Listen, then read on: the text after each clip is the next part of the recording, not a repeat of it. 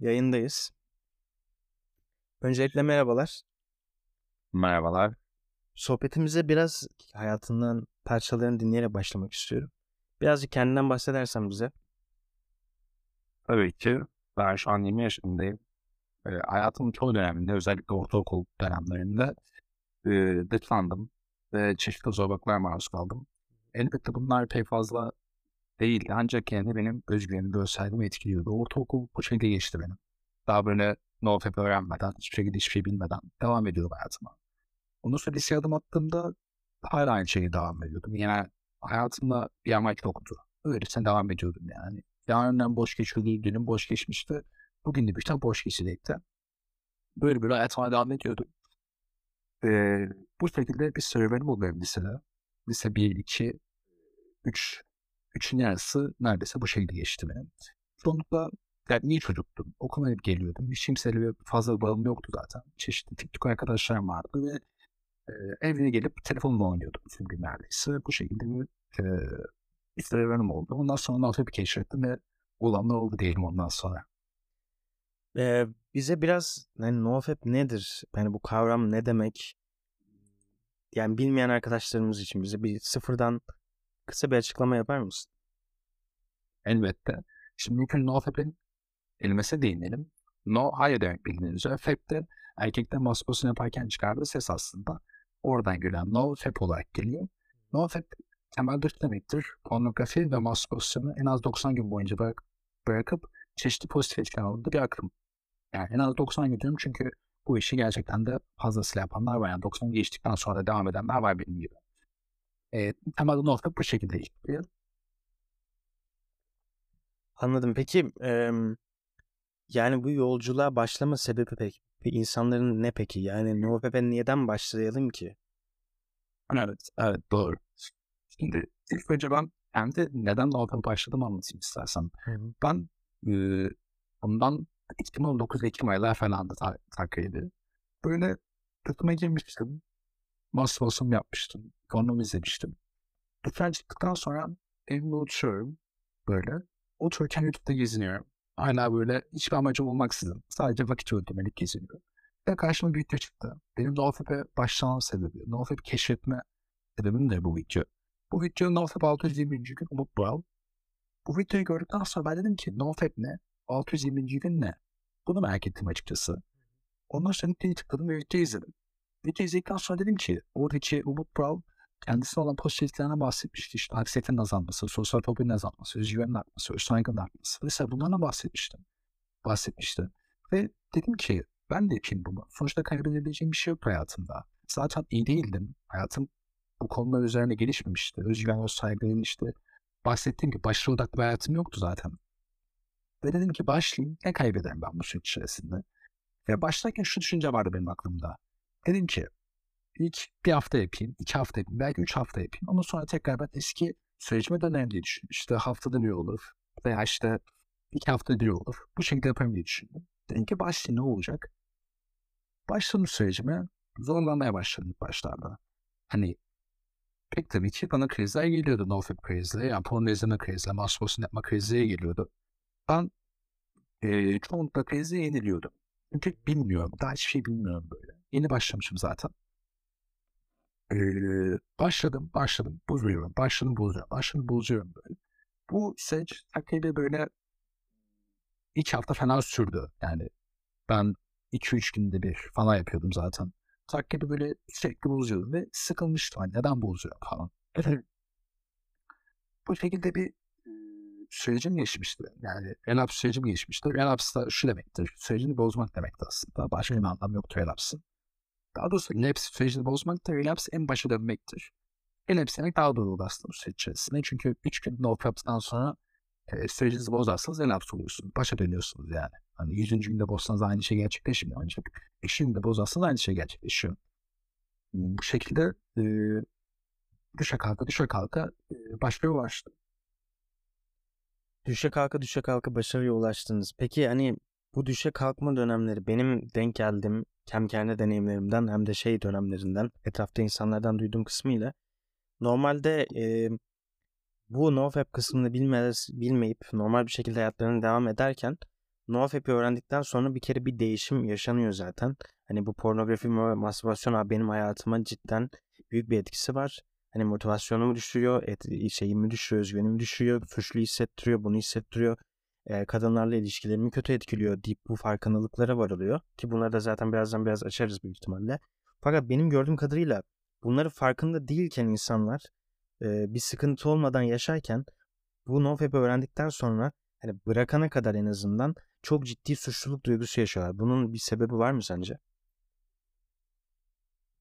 E, şu şekilde bu aslında insana oluşan bir yanlış bir şey yapacağım algısı. Evet. Yani e, sürekli sen mesela mastürbasyon yaparken önceden bunun yanlış şey olduğunu bilmiyordum. Yani doğru bir şey yapıyorum, bir zevk oluyor ve bunu yapıyorum. Yanlış bir şey olduğunu bilmiyorum. Ama yanlış bir şey olduğunu bildikten sonra eskiye geri dönüş olmuyor artık. Ondan sonra, o noktadan sonra. E diyorsun ki her porno izlediğimde, her mastürbasyon yaptığında kendini iyi hissetmiyor. Çünkü yanlış olduğunu biliyorsun. Evet. Yapıyorsun ama yanlış olduğunu bilerekten yapıyorsun. Evet. Bağımlılık bir şey zaten bu. Bağımlı oluyorsun. Aranızda bir bağ oluşturuyor. Evet ve e, ciddi bir şekilde artık kurtulman gerektiğini hissediyorsun. Hani üzerinde bir ağırlık oluşturmaya başlıyor. Ve daha iyisini gördükten sonra artık hani kötü olan seni tatmin etmiyor. Hani hiçbir şey yokmuş gibi davranamıyorsunuz. Evet. Ee, peki şunu sormak istiyorum. Ee, sizin 800 günlük bir e, süreciniz olduğunu söylediniz. Hala devam ediyor. Öncelikle hani sizi bu 800 günlük yapmaya motive eden ne oldu? Hani eksi olarak ne hissediyordunuz veya artı olarak ne hissediyordunuz? Daha benim bunu yapmam lazım. Hani devam ettirmem lazım çünkü bu e, hani somut olarak ne gösterebiliriz evet. insanlara? Şöyle ki ben mesela sürece ilk başladığımda e, az önce bahsettiğim gibi işte başarı sorunsa başarı falan filan ve bunları okudukça aslında insanın beni kandırdığını gördüm. Yani porno sektörünün beni kandırdığını ve beni daha da kötü yaptığını gördüm. Bunu gördükten sonra bu işe daha da aslında niyetli hissettim. Aslında kelimesi biraz burada şey oldu ama ters oldu. E, daha da üzerine de yaşam niyetli hissettim. Onu sonra düştükçe düştükçe dedim ki e, daha da bu konuda gelişmeliyim. Daha da fazla okuma yapmalıyım. Mesela şimdi bundan 8 gün geri gittiğimiz zaman takribi e, 4 Ocak 2021'e geliyoruz. Yani 4 Ocak 2021'den bir sürecim var benim. En son zaman şey yapmıştım, tep yapmıştım. 8 gün bugüne kadar olan gün sayısı. Şimdi 2019'da keşfettim ancak 2021'de tam olarak kestim. Evet. Bu arada peki neler yaşandı? İstersen ondan da kısaca bahsedeyim. Evet çok iyi olur. Ben e, sürece başladıktan sonra e, özellikle iki haftalık bir relax döneminden sonra kendimi hissetmeye başladım. Ve dedim ki iyi hissediyorum ben kendimi. Dışarı çıktığımda yüzümde böyle gülücükler saçılıyordu ve bunu şey yapamıyordum. Kontrol edemiyordum. İçten gelen bir şeydi bu. İnanılmaz bir duyguydu benim için. Ki iyi hissediyorum kendimi. Böyle içinde bir şeyler kıpırdaşıyor. Bir hareket geçirmeyi istiyordum. Motivasyon falan oldu böyle. Dedim güzel. Hani güzel bir şey oldu. Demek ki denilen şeyler doğruymuş. Gerçekten de falan bizi öldürüyormuş aslında. Oturduğumuz koltuğa bizi saplıyormuş. Ondan sonra e, hayatımda çeşitli bağımlılıklar olduğunu da fark ettim. NoFap'le birlikte. NoFap yaptım ancak dedim ki benim ben sürekli şeker yiyorum. O zaman da şey cips, çikolata vesaire gibi şeyler de yiyordum arada. Hatta arada dediğim yani çoğunlukla yiyordum. Dedim benim öyle bir şeyim var. E, elimde telefona baktığım zaman tamam tep yapmıyorum ama YouTube'da çok fazla geziniyorum. Instagram'da çok fazla vakit harcıyorum. Ben bunu bırakamıyorum dedim ya. Hani ben bunu bırakamıyorum. Ben tepe bıraktım ama bunları bırakamıyorum. Allah Allah dedim. Demek ki benim bunları bırakmam lazım. Çünkü NoFap mantığını anladığın zaman işte bir şeyleri bıraktığında, bağımlı olan şeyleri bıraktığında, sana bağımlılık veren şeyleri bıraktığında iyi hissettiğini gördüm. E dedim ki ben e, telefonumu bıraksam ne hissedeceğim? Belki kat kat daha hissedeceğim diye düşündüm. Ve bu süreçte dopamin detoksuna girdim. Şimdi dopamin de ondan bahsedeyim. Şimdi dopamin aslında bir haz nörotransmitteri. Yani haz hormon diyenler var. Haz nörotransmitteri diyen var. İşte haz alıcısı diyen var. İşte haz veren hormon diyen var. Çok farklı anlamlar var. Ancak temelde haz hormon desek daha genel kapsam almış oluruz. Bu yaptığım süreçte salgılanıyor aslında. İşte su içtiğimizde, yemek yediğimizde mesela bir ay sonra Ramazan'ı yiyeceğimiz iftarda yüksek bir şekilde dopamin salgılanır. Çünkü o kadar aç durmuşuz ve bunun karşılığında bir ödül alıyoruz. Her ödül aldığımızda e, serotonin salgılan, salgılanıyor da o süreç içerisinde dopamin salgılıyor yani ödül ulaşma arzusu. E, dedim ki ben ödül almasam eğer, telefonla oynamasam çünkü telefon kısa yoldan bir ödül de benim için. Ders çalışmak ve ödül olarak telefonla uğraşım. Ama telefondan sonra telefonum geçtiği zaman orada dopamin dengesizliği oluşuyordu. Ödülü hemen almış oluyorum. Dedim ki benim bunları kesmem lazım. Ondan sonra bir detoksa girdim. Detoks sürecine girdim ve dedim ki kendi kendime. E, senin bunu bırakman gerekiyor. Bıraktım hepsini. Hepsini aynı anda bırakmak bende büyük bir e, şeyi sürükledi beni. Anksiyeteye, e, sosyal fobiye, kendimi kötü hissetmeye sürükledi ki bu dopaminsizliğin belirtilerindendir. Siz dopamin alamadığınız zaman kendinizi iyi hissetmezsiniz, kendinizi kötü hissedersiniz. Ve bunları bıraktığım zaman kendimi çok kötü hissetmeye başladım. Ama biliyordum mantığını. Dopamin mantığını bildiğim için devam ettim sürecime. O zaman ben biraz e, dopaminin nasıl çalıştığından bahsedeyim. E, şimdi dopamin dediğimiz reseptörler hani bize dediğin gibi haz veren e, hormon aslında ve çalışma şekli siz e, sizi mutlu edecek bir şey yaptığınızda ki bu her şey olabilir. E, zihninizde bir hormon salgılanıyor ve siz biraz daha rahatlıyorsunuz ve stresiniz azalıyor vesaire vesaire. Fakat aslında bu hormon bizi başarıya götüren hormonlardan bir tanesi. Yani siz oturup e, 3 saat boyunca çalıştıktan sonrasında o defteri kapattığınızda da bu hormon salınıyor. Fakat şu an günümüzde etraftaki her şey bize bu hormonu salgılattırdığı için bu sefer bizi e, yani kolay dopamin deniyor aslında buna. Kolay dopamine ulaşım arttıkça siz zor faaliyetleri yapmakta zorlanıyorsunuz. Buna ulaşacak motivasyonunuz azalıyor. Yani bu da ne demek oluyor? Siz dışarı çıkıp biriyle konuşmak aslında çok ciddi bir e, motivasyon. Hani kendinizi zorlamanız gerekiyor artık. Normalde bu şeyken her bir normal bir insan için normal bir faaliyetken siz zaten evde oturup telefonda bir iki tane tıkla bunun 100 katı dopamin salgılayabildiğiniz için dışarıya çıkmak için bir sebep hissetmiyorsunuz. Çünkü bu size artık yeterince e, zevk vermiyor. O dopamini alamıyorsunuz. E, senin bahsettiğin kısım bu. Dopamin detoksunun asıl amacı da hani dediğin gibi dopamin reseptörlerini aktarmak. Yani ne demek? E, dopamin reseptörleri şöyle çalışıyor. Siz e, normalde diyelim ki zihniniz e, bir şey yaptığınızda 10 tane yani tamamen farazi konuşuyorum tabii. 10 tane do- dopamin salgıladı ve mutlu oldunuz. Fakat şu anda günümüzdeki bu overstimulative dediğimiz aşırı uyarıcı etkenler ki pornografi, şeker, e, bunun gibi şeyler bu ve sosyal medya buna giriyor. Normalde siz e, 10 tane salgıladınız ama pornografi izlediniz bir anda 100 tane salgılanıyor. Ve diğer taraftaki yani o dopaminleri algılayıcı reseptörler bu sefer zaten içeride çok fazla dopamin var. Ben bu sefer içerideki algılarımı kapatayım diyor. Yani siz 10 tane Aynen. dopamin salgılıyordunuz. Karşı tarafta 10 tane de alıcı vardı. Bunların hepsi tam oturuyordu ve zevk alıyordunuz. Fakat siz pornografi izledikten sonra 100 tane salgılandı. Zaten beyin de bunu şöyle algıladı. İçeride çok fazla var.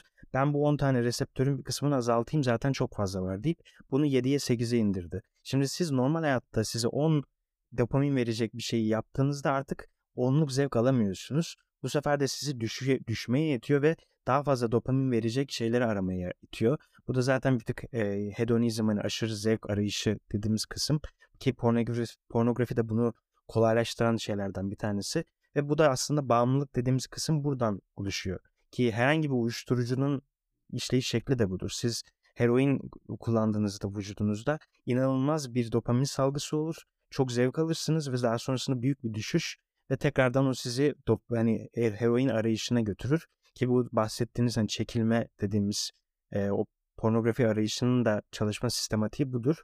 Veya sizin az önce bahsettiğiniz işte şekerden uzaklaştım, şundan uzaklaştım dediğinde o düşüşün sebebi e, zihnin hani o reseptörler e, zorunlu olarak hani 7'ye düşen reseptörler ona çıkarken o kısım bayağı acılı bir süreçtir. E, hani zihnine zorla çıkartıyorsun. O süreci atlattıktan sonra da senin bahsettiğin hani etrafa gülücük saçıyordum dediğin artık hayattaki basit şeylerden de inanılmaz zevk aldığın bir sürece geçiriyor.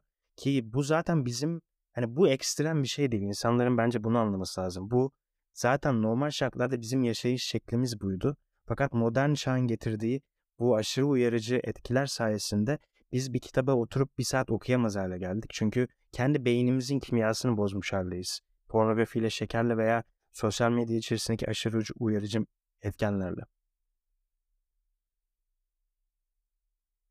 Evet, kesinlikle. Kesinlikle.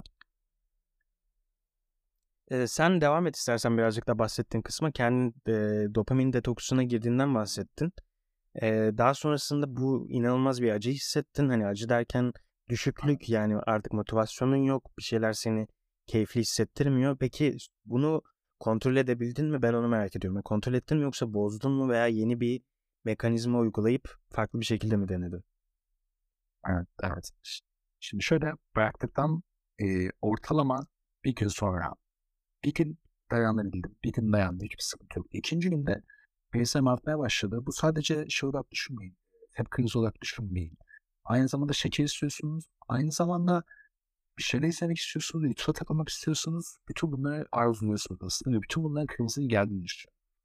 Böyle olunca ilk önce ben enerjisizdim. Yani enerji neredeyse yerlerdeydi. Benim enerjim yoktu dopaminlikten. Ondan sonra böyle anksiyetem başlamaya başladı. Yani sürekli kaygılanıyorum böyle bir şeylerden. Kendimi hissetmiyorum. Dedim ki bunlarla alakalı çok araştırma yaptığım için bekliyorum zaten böyle bir şeyler ama bazı şeyleri beklemedim gerçekten. Neleri beklemiyordum? Ee, ilk önce bende bir yutkunma problemi oluşmaya başladı. Bu yutkunma problemleri şöyle. Yemek yerken yutkunamıyordum açıkçası. Su içiyorum böyle boğazıma zor geçiyor. Özellikle katı yemekler yerken boğazıma zor geçiyor bu yemekler. Bunlar da işte şeylerden dopaminisinin belirtisi de aslında. Bunlar olmaya başlıyor. Kendimi hissetmiyorum ve yavaş yavaş seviyesi artıyor bunun. Hani ee, böyle nasıl diyeyim hafıza odaklanmada sıkıntılar yaşar var. Bir kitap diyorum ki yani tamamen şey olmuş. Hani bir kitap okuyor diyorum. Açıyorum böyle kitabı. Bir sayfa zor okuyorum kitapta. Çünkü odaklanamıyor. Farklı şeylerin diyor. Ses halindeyim böyle. Ve titriyor sürekli vücudu. Sürekli böyle titriyor falan filan. Ve neredeyse dipteyim yani. Bütün fonksiyonlar bitmiş durumda. Ve kriz gelecek. Yapsam iyi hissedeceğim ama yapamıyorum. Şimdi ona karşı bu çalışmama ne odaklanmam var. İkinci gün neyse bu şekilde geçti. Gecesinde yatacağım artık. Saat akşam 11'de çok iyi hatırlıyorum. 11 dedim ki hani artık yatacağım. Dayanamıyorum. Bak uyuyup hani zaman geçsin. Bu bitsin artık. Hani acı olmaya başladı artık bu. Ve e, o gece arkadaşlarıma dedim ki benim de bir dost olan arkadaşlarıma dostlarım dedim bende böyle etkiler var. Kendimi hissetmiyorum. Ülkeye gidiyorum daha fazla. E, ne düşünüyorsun? Ne yapalım falan filan böyle. Herkes bana dedi ki boz. Dedi ki bak kalıcı bir hasar oluşturabilirsin vücudumda. Boz dediler. Çünkü her şey gelmişti üstüme. Her şey üstüme geliyordu. Yaptığım her şeyi kendimi kötü hissediyordum. Yani hmm. çok kötü buluyorum. Ve dediler ki bana yaptığı şey artık şeyi geçti. Lofep'e geçti. Her şey geçti. Kalıcı bir hasar bırakabilirsin beyninde. Bırak dediler bana. Düşün taşın böyle evde kendi başıma. Dedim ki hayır dedim. Bırakmak yok dedim. Ben bu işi geçtiysem dedim en sonuna kadar gideceğim dedim. Ve devam ediyor hala. Bunu derken de bir yandan da aklına bozma düşüncesi var. Çünkü korkuyorum. Çünkü sonuçta sağlık ve sağlığımı kaybetmek, çeşitli kalıcı hasarına ulaşmak en istediğim bir şey tabii ki bu süreç içerisinde. Dedim ki ben bozmayacağım. Beyler dedim. Siz devam ediyor dedim. Ne işte ben e, devam ettim. Bugün gecesinde şöyle olanlar yaşandı. Ben yatağımda yattım. Ellerim titriyor. Biraz da yutma problemler falan hala devam ediyor. Ancak e, umursamaya çalışıyorum. Okey diyor. Bir sıkıntı yok falan filan yapıyorum böyle. Ellerim titriyor. Bacaklarım titriyor. E, böyle bacağı böyle arada sana kendi kendine şey olmaya başladı. Titreme falan başladı. Kendimi kötü hissediyordum. Neyse yatağına yattım. Elime e, avucumu yani kafamın üstü, altına koydum. Böyle yatacağım. E, o gece işte. Neyse böyle koydum. Ama şunu fark ettim. Elim titrediği için kafam da titremeye başladı benim. Orada işte şey hissettim. Dedi ki bir şeyler oluyor dedim yani. Ve e, uyuyamadım o gece ben. Çünkü ellerim titrerken kendimi kötü hissederken uyuyamıyordum. Aklım sürekli başka şeylere gidiyor. Zaten anksiyetem de zirvede. Sürekli bir şeyler için kaygılanıyorum böyle. Alakası alakası şeyleri düşünüp kaygılanıyorum. İşte mesela bundan dört önce ettiğim kavgada keşke şunu söylesin diye düşün. Mesela niye söyledim diye kaygılanıyorum falan böyle bu triplere girmiştim. Ondan sonra e, gece 11 yattım yatağa. Gece 12 oldu. Hala daha hala uyuyamıyorum. Böyle kalktım yataktan. Camı açıyorum böyle. Ve e, aklıma intihar düşünceleri geliyor. Çünkü e, bu sizin gözünü korkutmasın ama yaşandığı için söyleyince görmezden gelemezdik sonuçta. İntihar düşünceleri geliyor aklıma. Diyorum ki intihar ve e, bu acı mı bitsin? Ha, bu, bu seneye kadar geldi bu artık o süreçte. Tabii ki pek de bu istisnai durumlar. Yani hepiniz böyle şey yaşayacaksın diye bir şey yok. Belki kiminiz daha atlatır, kiminiz daha e, normal atlatır ama benim sürecim bu şekildeydi. E, camı açtım ve seviyeme kadar gelmiş. Derin bir nefes aldım böyle. Gökyüzüne baktım dedim ki devam et, etmek durumundayız. Devam etmek zorundayız dedim. Gece içi olduğunda sanırım ben uyudum. Ee, bir şekilde uyudum. Yani çok zor olsa uyumaya çalıştım ve devam ettim. Uyudum. Ee, sürecime bir gün falan daha devam ettim. Yani toplamda dopamin detoksunu 4 gün falan yaptım. 4-5 gün yaptım. Ee, ve ondan sonra e, dopamin konusunda neleri kestim de hemen kısaca bahsedeyim. Çünkü orada da arkadaşlar soru yapıyorlar kapısında. Oyun, müzik, etmek, Netflix, sosyal medya, YouTube. Telefonu zaten hiçbir şey değil almıyordum. Aynen bunlar da ne itibariyle. Size bunu yapan şeylerdi. Yerini bir şey koydun mu bu çıkarttığın şeyleri atayım atıyorum kitap, Evet. kitap e, veya vücut çalışması yoksa sadece e, oturuyor muydun etrafını izliyordun nasıl bir şey yaptın? Ne yaptım aslında? Sadece oturup duvar izliyordum. Gerçekten de bu bunu insanlar çok şey yapıyor aslında. Hani yeni bir şey koyabilir falan oluyor ama hiçbir şey e, motivasyon yoktu. Oturup tüm gün boyunca nerede duvar izliyordum. Oturuyordum da duvar izliyordum işte. Dışarı çıkıyordum. Dolanıyordum böyle. Derin havalar falan alıyordum. Derin nefes alıyordum. O şekilde tekrar geliyordum. Evde de duvar izliyordum falan böyle. Ailemle sohbet ediyordum. O şekilde bir devam ettim. Yani bence bir şeyi doldurmak zorunda değilsiniz. Yani şöyle uzun vadede tabii ki bu süreç 2-3 hafta devam edebilecek bir şey değil zaten. Bahsettiğin gibi 2-3 gün sürebilir. Hani dayanma açısından. Onun dışında gerçek hayattasın. Hani illaki bir sosyal medya veya telefonunu kullanman gerekiyor belli noktada. Fakat hani bence bu tarz bir şey çok önemli çünkü birincisi artık hani kendini dinliyorsun. Bu çok önemli bir nokta. Ee, yani çok hızlı bir hayat, hayat yaşıyoruz şu anda. Aynı anda 10 kişiye mesaj atabiliyoruz, insanlarla konuşuyoruz, bir iş halletmeye çalışıyoruz. Hayatın o yoğunluğundan bir çıkıp seni bir kenara çekip hani düşünüp kendinde olmaya iten bir hareket bence. O yüzden e, çok takdir ettim. Çok güzel bir şey olmuş. Evet, evet teşekkür ederim. Ee, Benim sormak istediğim hani pornografi kısmında e, ben birazcık daha bu beyine etkileri konusunda çok e, araştırma yapmaya çalıştım zamanında ve gördüğüm şeylerden bir tanesine de kayak etkisi denen bir etkiden e, denk gelmiştim. Tam çevresi böyle mi emin değilim ama bahsedilen durum şu. Siz bir şey yapıp zevk aldığınızda zihinde nörolojik bir ağ oluşuyor. Ve siz o, size daha sonrasında onu yapmaya itiyor. Aslında ve bu şey gibi düşünün. Her gün çıkıp dondurma şeyi var. Ne deniyor onlara? Küçük dondurma, ayaklı dondurmalar var ya satılıyor işte şeyler, tezgahlar. Dışarı çıkıyorsunuz, adamın sesini duyuyorsunuz, iniyorsunuz, dondurma yiyorsunuz ve mutlu oluyorsunuz diyelim. Zihniniz artık bunu alışıyor ve siz o dondurmacının sesini duyduğunuzda bile aslında zihniniz dondurma yerkenki dopamini salgılamaya başlıyor ve siz kendinizi aşağıda dondurmayı satın almış yerken buluyorsunuz. Yani bunu pornografi içine koyarsak çoğu insandan benim duyduğum evde yalnız kaldığımda şak diye işte gizli sekme açıyordum veya bazıları hani bir şey için gizli sekmeyi açtığında bile kendilerini porno- pornografi içinde bulduklarından bahsediyorlar. Ve benim denk geldiğim şeylerden bir tanesi de insanlar eee, hani çünkü zihniniz bunu arıyor siz kaçmaya çalışıyorsunuz. Hani ortada bir savaşçımsı bir durum oluşuyor. Ve atıyorum Twitter'da Instagram'da gezerken karşınızda artık hani çok fazla sizi oraya götürebilecek içerik var çok kolay bir şekilde. Ve zihniniz artık eğer hani bunu deneyimleyen birisi varsa yani kendiniz ona tıklarken veya yanlışlıkla bile doğru içeriği seçerken bulabiliyorsunuz. Hani e, bu yüzden sizin bu konudaki bir deneyiminiz var mı? Hani böyle bir şeyle karşılaştın mı? Veya bunlarla karşılaşmak için e, ne uyguladın? em, e, şöyle aslında her insan olduğu gibi ev boş kaldığında benim de ilk başvuru şey pornografiydi. Özellikle e, işte Yine insanlara çok dikkatimi çekmişti. Çok fazla insanla görüştüğümde bu dikkatimi çekmişti. İnsanlar her zaman belirli saatlerde mastürbasyon yaptıklarını keşfediyorlar. Diyorum ki mesela son yaptığın 20 tane mastürbasyon düşün. Ve ortalama hangi saatlerde yaptın diyorum. Mesela hiç, hiçbir zaman mesela şunu, şunu cevap almadım mesela işte. Bazen işte sabah 10-11 gibi. İşte bazen akşam 7-8 gibi. Bazen işte 3-4 gibi yapıyorum.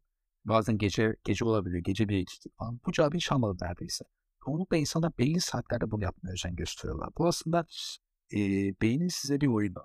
Nasıl bir oyunu mesela? Diyelim ki her gün eviniz, evde mesela 5 kişi yaşıyorsunuz. Eviniz her gün saat 2 ile, öğlen saat 2 ile akşam 5 arasında boş oluyor. Sadece siz evde oluyorsunuz.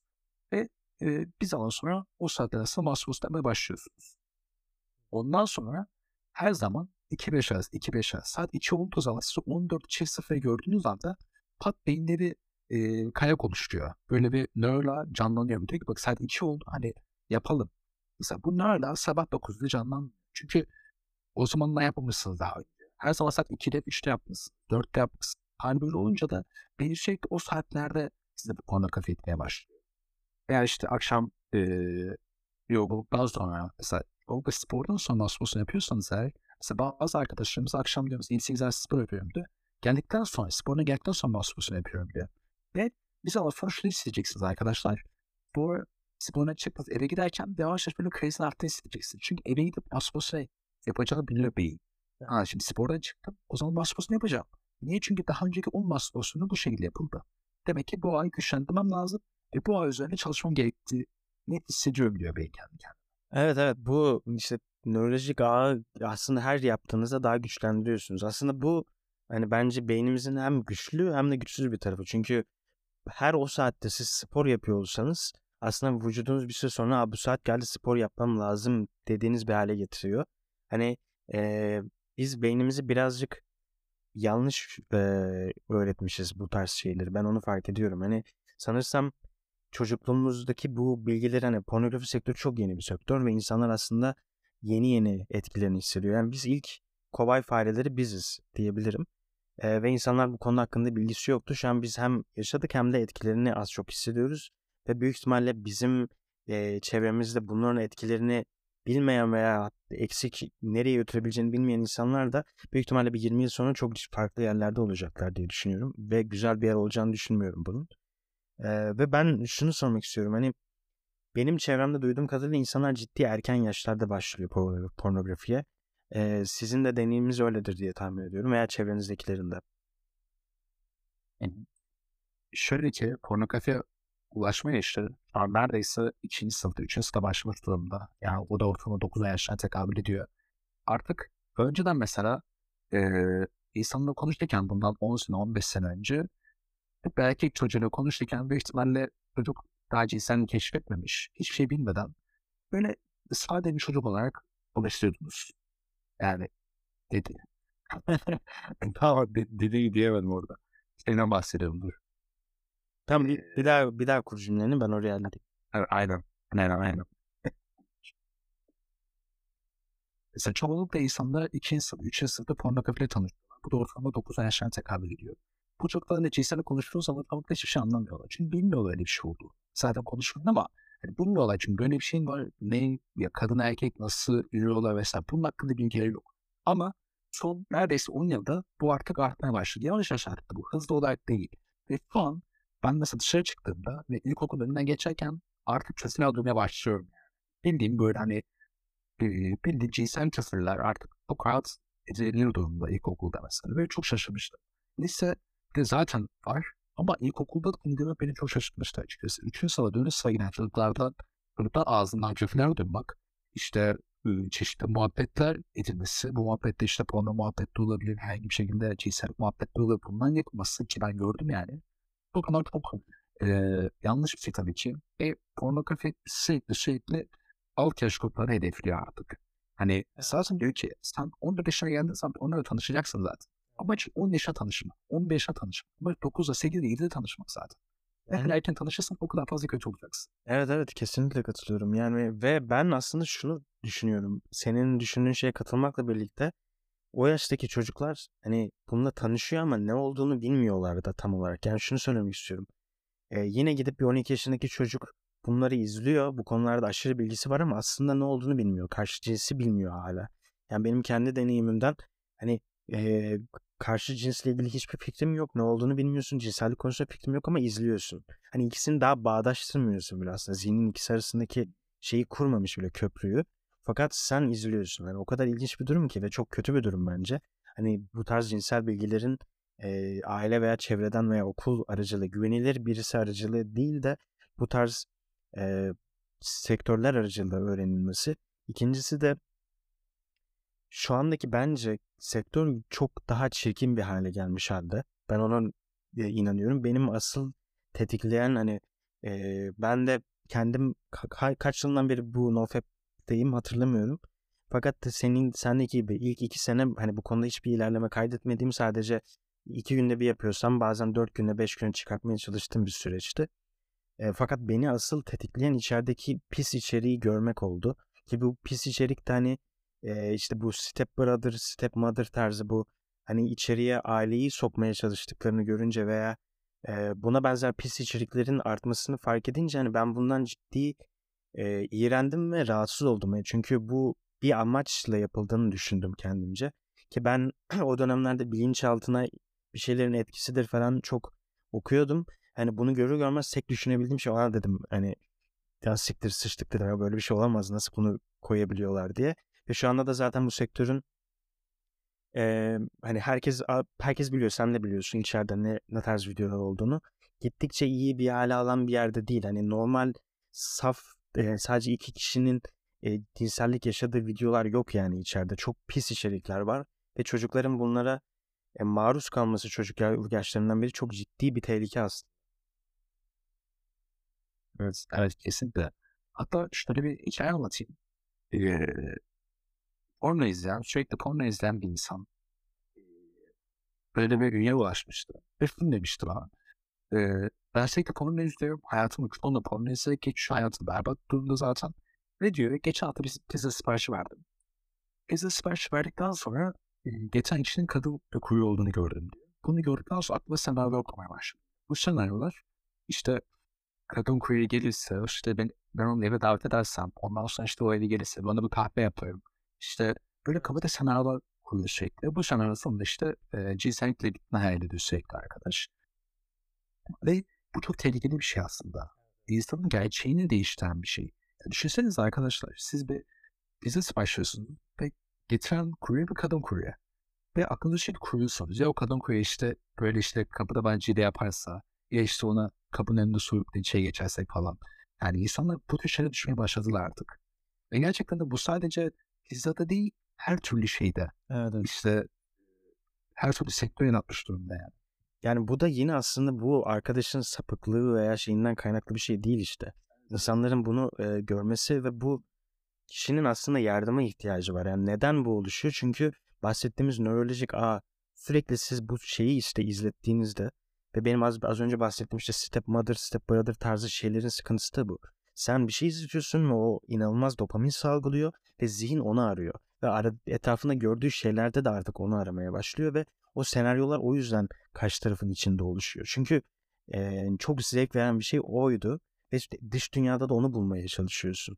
Yani bu çok çok ciddi bir sıkıntı. Yani pornografi sektörü şey o şaka değil yani bunun içeriği.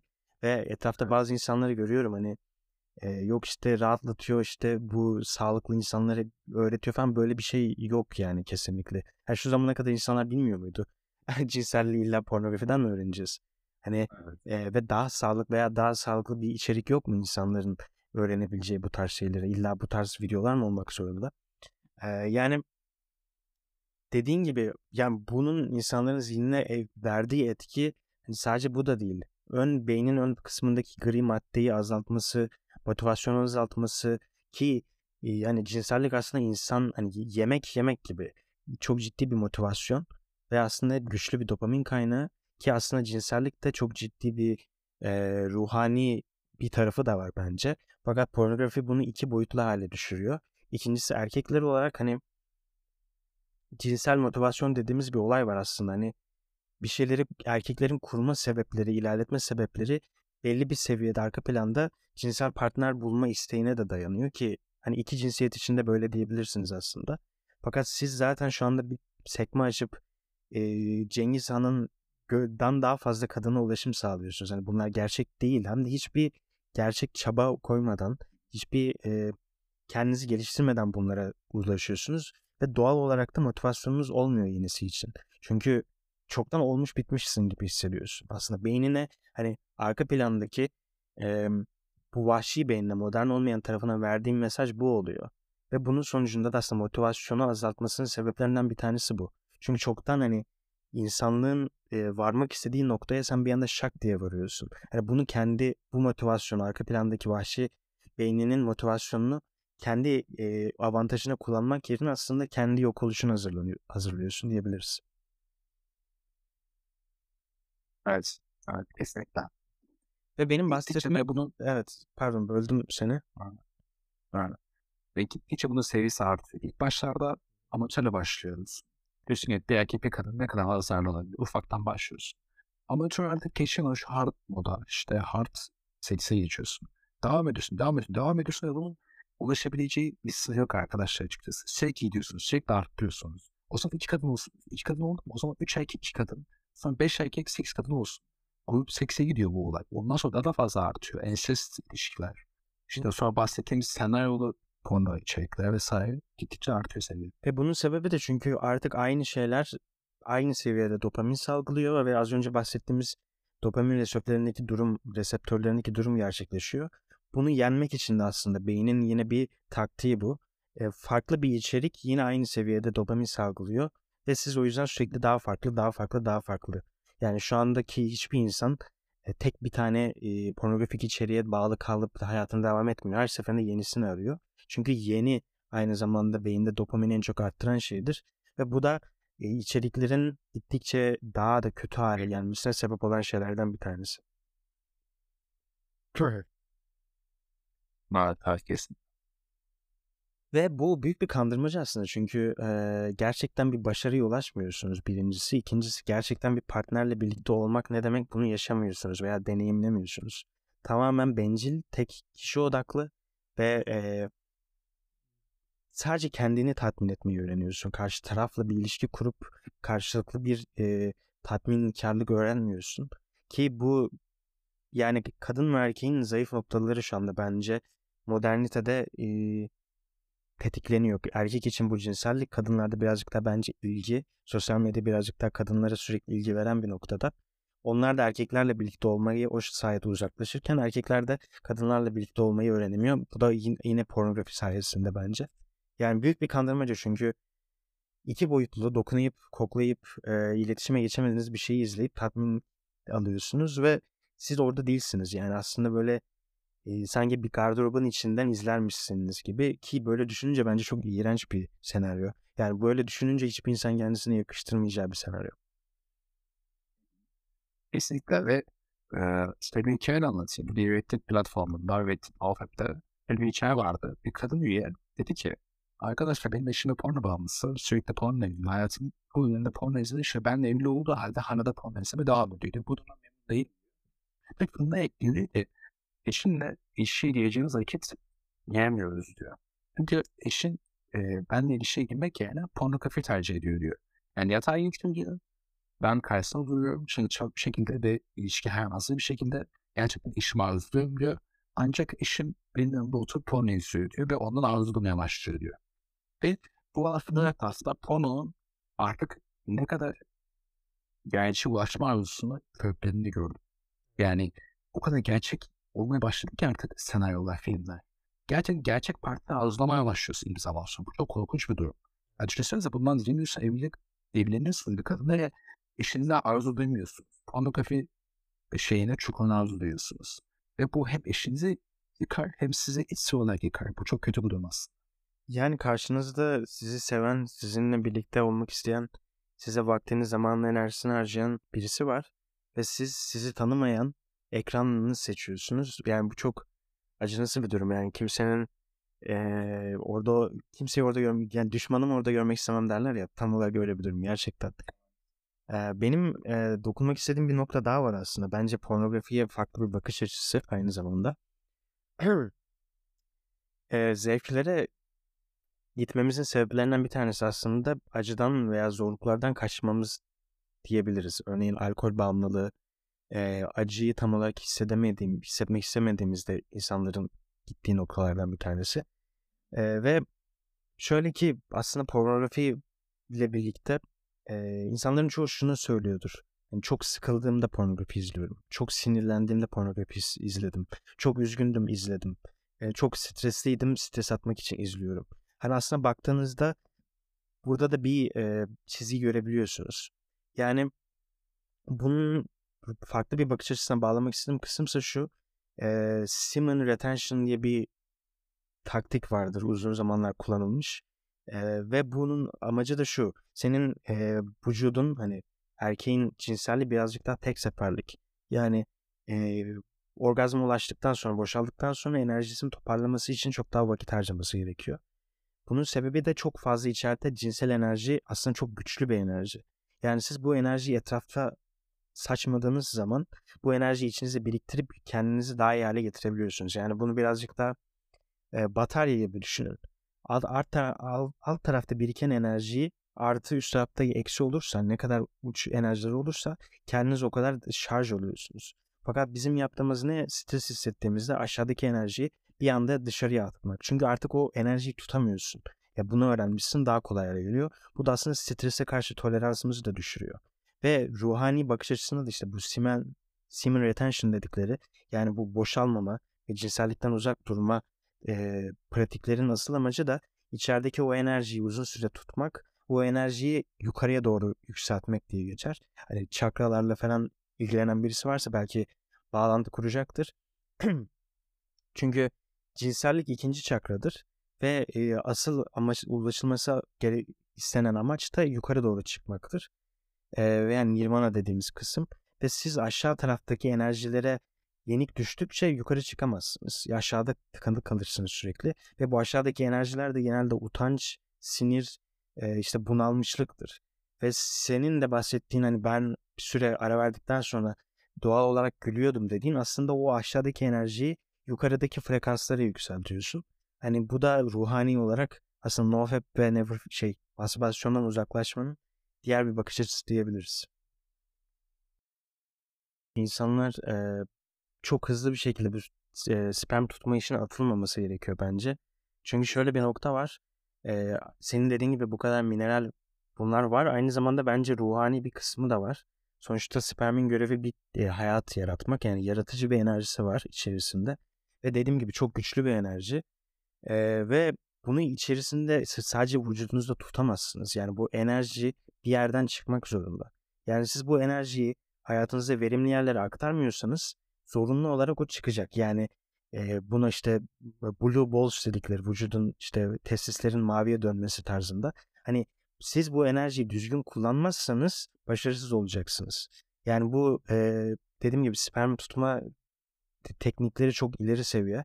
Ya bu konuya girmeyen insanların bayağı bir e, araştırıp bakması lazım. Yani bir şeyle üretmiyorsanız, enerjinizi bir yere aktarmıyorsanız bu spor olsun, insanlarla tanışmak, kendi enerjinizi aktarmak olsun.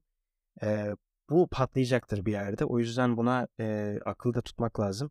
Çünkü benim etrafımda ben bu konularda konuşunca bazı arkadaşlarım işte ben onu denedim.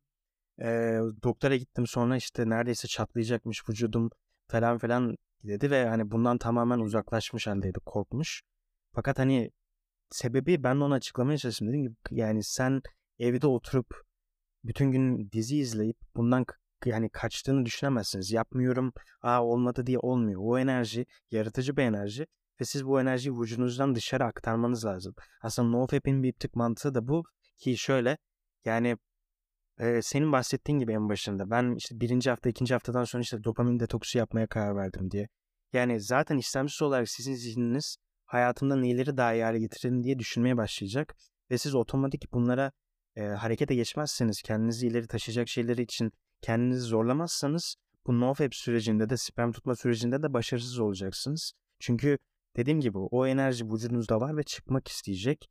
Bizim asıl amacımız yani benim düşündüğüm hani bu nofap'in amaçlarından bir tanesi arka planda sizin bu enerjinizi verimli hayatınızda istediğiniz yerlere aktarmak ki bu sağlıklı bir ikili ilişki kurmak olsun, bahsettiğiniz e, işi bulmak olsun veya şu andaki e, kendi yeteneklerinizi geliştirmek olsun.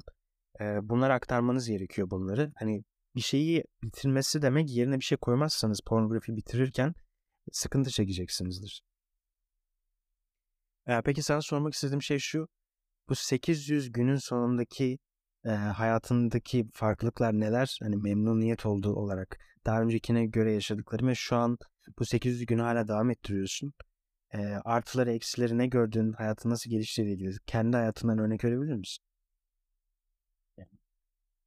Böyle ki ben sözün ilk başladıktan sonra işte özellikle detoks sürecinden sonra çeşitli pozitif almaya başladım. Bu etkiler çok fazla. Gerçekten çok fazla. Ee, ana etkilerden bahsedeyim. Küçük etkiler vesaire de var. Özellikle e, özgüvende vesaire çok büyük gelişme kaydettim. Bununla yaptıktan sonra ve günler arttıkça artık böyle bunlar klasikleşmeye başlıyor. İlk başta özgüvenim çok iyiydi falan. Bir zaman sonra bu çok klasik gelmeye falan başladı. Bunlar kalite oturdu yani böyle bir faydası oldu. Ee, odaklanma sürem çok fazla arttı. Çok fazla arttı. 5 saat 6 saat boyunca ders çalıştım hatırlıyorum ben. Şey, e, devam eden süreçte. Ben sana hazırlanırken. Ondan sonra özellikle kitap okuma, okuduğunu anlama konusunda bayağı bir ilerleme kaydettim. Ve bu kadar fayda almışken dedim ki arkadaşlar şimdi yolda şey diyor olabilir. İşte 90-100 günden sonra neden hafta bir ya da işte neden 200 gün yetmedi, 300 gün yetmedi, yetmedi vesaire diye olabilir. Ben bunu düşündüm ben zaman dedim ki bana bir faydası var mı? Ne faydası olabilir ki ben başboşun Yapmadığım zaman ne kazanıyorum, yaptığım zaman ne kazanıyorum düşündüm. yaptığım zaman aslında pek bir şey kazanmadığımı gördüm.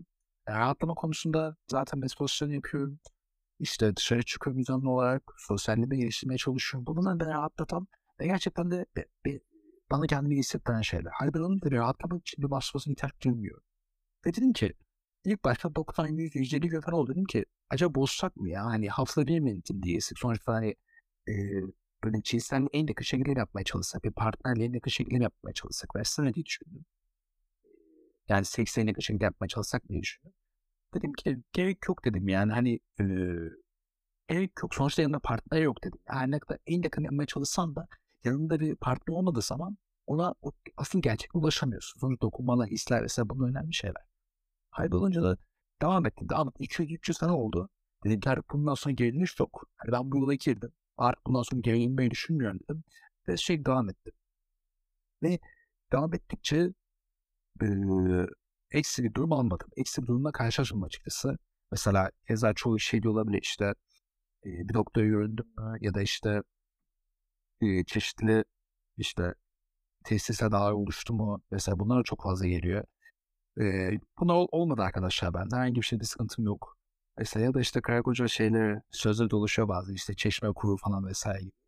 Öyle bir durum da yok arkadaşlar. Hiçbir şekilde, hiçbir şekilde bir negatif etkisini almadım ben bu süreçte bunu yapmam. 700-800 bin yapmanın. Bu şeye devam ediyorum. Negatif etkisini alırsam eğer e, ki alacağımı düşünmüyorum ben. E, hepsini okudum ve gerçekten de bir negatif etki alacağımı düşünmüyorum. Onu da o zaman düşünür değilim. Ama şu anlık 800-900 bin artık gittiği kadar yani.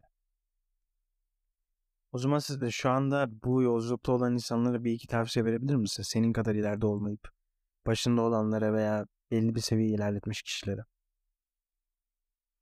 Buna diyebilirim aslında. En başta e, yaptığınız işe iyi bilmek gerekiyor. İşte ben ne yapıyorum? Çoğu arkadaşım bu işe başladığı zaman işte tamam işte ne yapacağız? Master yapacağız, porno izlemeyeceğiz. Tamam başlayalım. Ya bunlar hemen bozulan süreçler oluyor. İlk önce yaptığımız işi anlamalıyız. Bunu anlamak için de çeşitli kaynaklar ve internet üzerinden. Bu işte Neurofab Akademi olabilir. Ya da işte internette bununla alakalı makale olabilir. Porno, pornoya karşı yapılmış bilimsel makale olabilir. Bunları okumak lazım. Bunu okuduktan sonra aslında süreçte bilincimiz artıyor. Ve diyoruz ki bunun arka planını anladım ben. Bundan sonra ben bu seni daha iyi geliştirebilirim. Eza, kurma sektörünü anlamak bunlar çok önemli. İnsanlar seni ne kadar kandırıyor, nasıl kandırıyor, bunun sonu ne? Bu tür e, biraz da korku senaryolarını yaratmak sizi motive edebilir. İnsanlar zaten iki tür şekilde motive oluyor. Ya korku senaryoları düşünerek de motive oluyor ya da iyi senaryoları düşünerek de motive oluyor. İşte iyi senaryolar ne işte istediğin üniversite kazanabilmek, odaklanmam artarsa kötü senaryo. İşte pornoya devam edersen bu sefer üniversitemi kazanamam. Her şey kötü olur vesaire. Hangi türden motive, motive oluyorsun bu türe ilerlemek her zaman daha iyi. Ve ikinci bu olayda inanç kısmı. Yaptığın işe inanmak gerekiyor. Her ne kadar e, sosyal medyada işte hem de inan, kendine güven diyorlarsa da bu çok önemli bir şey. Yani insanlar bunda işte e, bazen mesela görüyorum işte kendi inan sözüyle alay alanlar falan oluyor ama bu gerçekten önemli bir şey arkadaşlar. Kendine güvenmek tahmin ettiğinizden çok da önemli bir şey bu süreç içerisinde. Ee, inanmak, yaptığın işe inanmak, inanç oluşturmak beni bu süreç özellikle, özellikle mesela eğer o gece 11'de yatıp da 2'de uyuduğum gecede benim sürecim bozulmuyorsa inanç eminim ki sizlere de bozdurmayacaktır diye düşünüyorum. Ve 90 100 150 artık hedefin neyse ulaş, ulaşabileceğini düşünüyorum ben bu süreç içerisinde. Evet kesinlikle katılıyorum. Aynı zamanda bence e, kendini tanımak da çok önemli. Kendini tanımak derken e, siz bu yola çıktıysanız sizin neyi tetikliyor, hangi şeyler sizi geri başa döndürüyor nasıl alışkanlıklarınız var, hangi duygu durumlar sizi tetikliyor bunları incelerseniz çünkü herkesinki farklı. Buna göre kendinize uygun bir strateji, kendinize uygun bir alışkanlık geliştirip bu yola daha hızlı ilerleyebilirsiniz diye de düşünüyorum aynı zamanda. Evet, evet kesinlikle. Ya bu şey içerisinde analizler yapmak. İşte neden bozdum analizi çok önemlidir mesela. Evet. Önünüze bir kağıt alıyorsunuz ve neden bozdum ben bu süreci? İşte fikir yüzünden kendimi iyi hissetmedim. Kendimi çok hissettim o yüzden bozdum vesaire. Yani bunları yazıp bunların ters çıkarmak önemli aslında. Evet evet kesinlikle katılıyorum. Yani aslında e, geniş çapta izi baktığınızda çok e, güzel bir yolculuk. Çünkü kendinizi de keşfediyorsunuz. Hani bu yolda Aa, ben demek ki sinirli hissettiğimde bunu yapıyorum. Veya bak ben bunun yerine bunu yapabilirim. Veya sinirli, sinirimle daha iyi nasıl başa çıkabilirim. Hani bu tarzda kendinizi hem tanımak hem de geliştirmek için büyük bir fırsat yani. Evet evet kesinlikle. Ee, o zaman bir saate doldurduk neredeyse.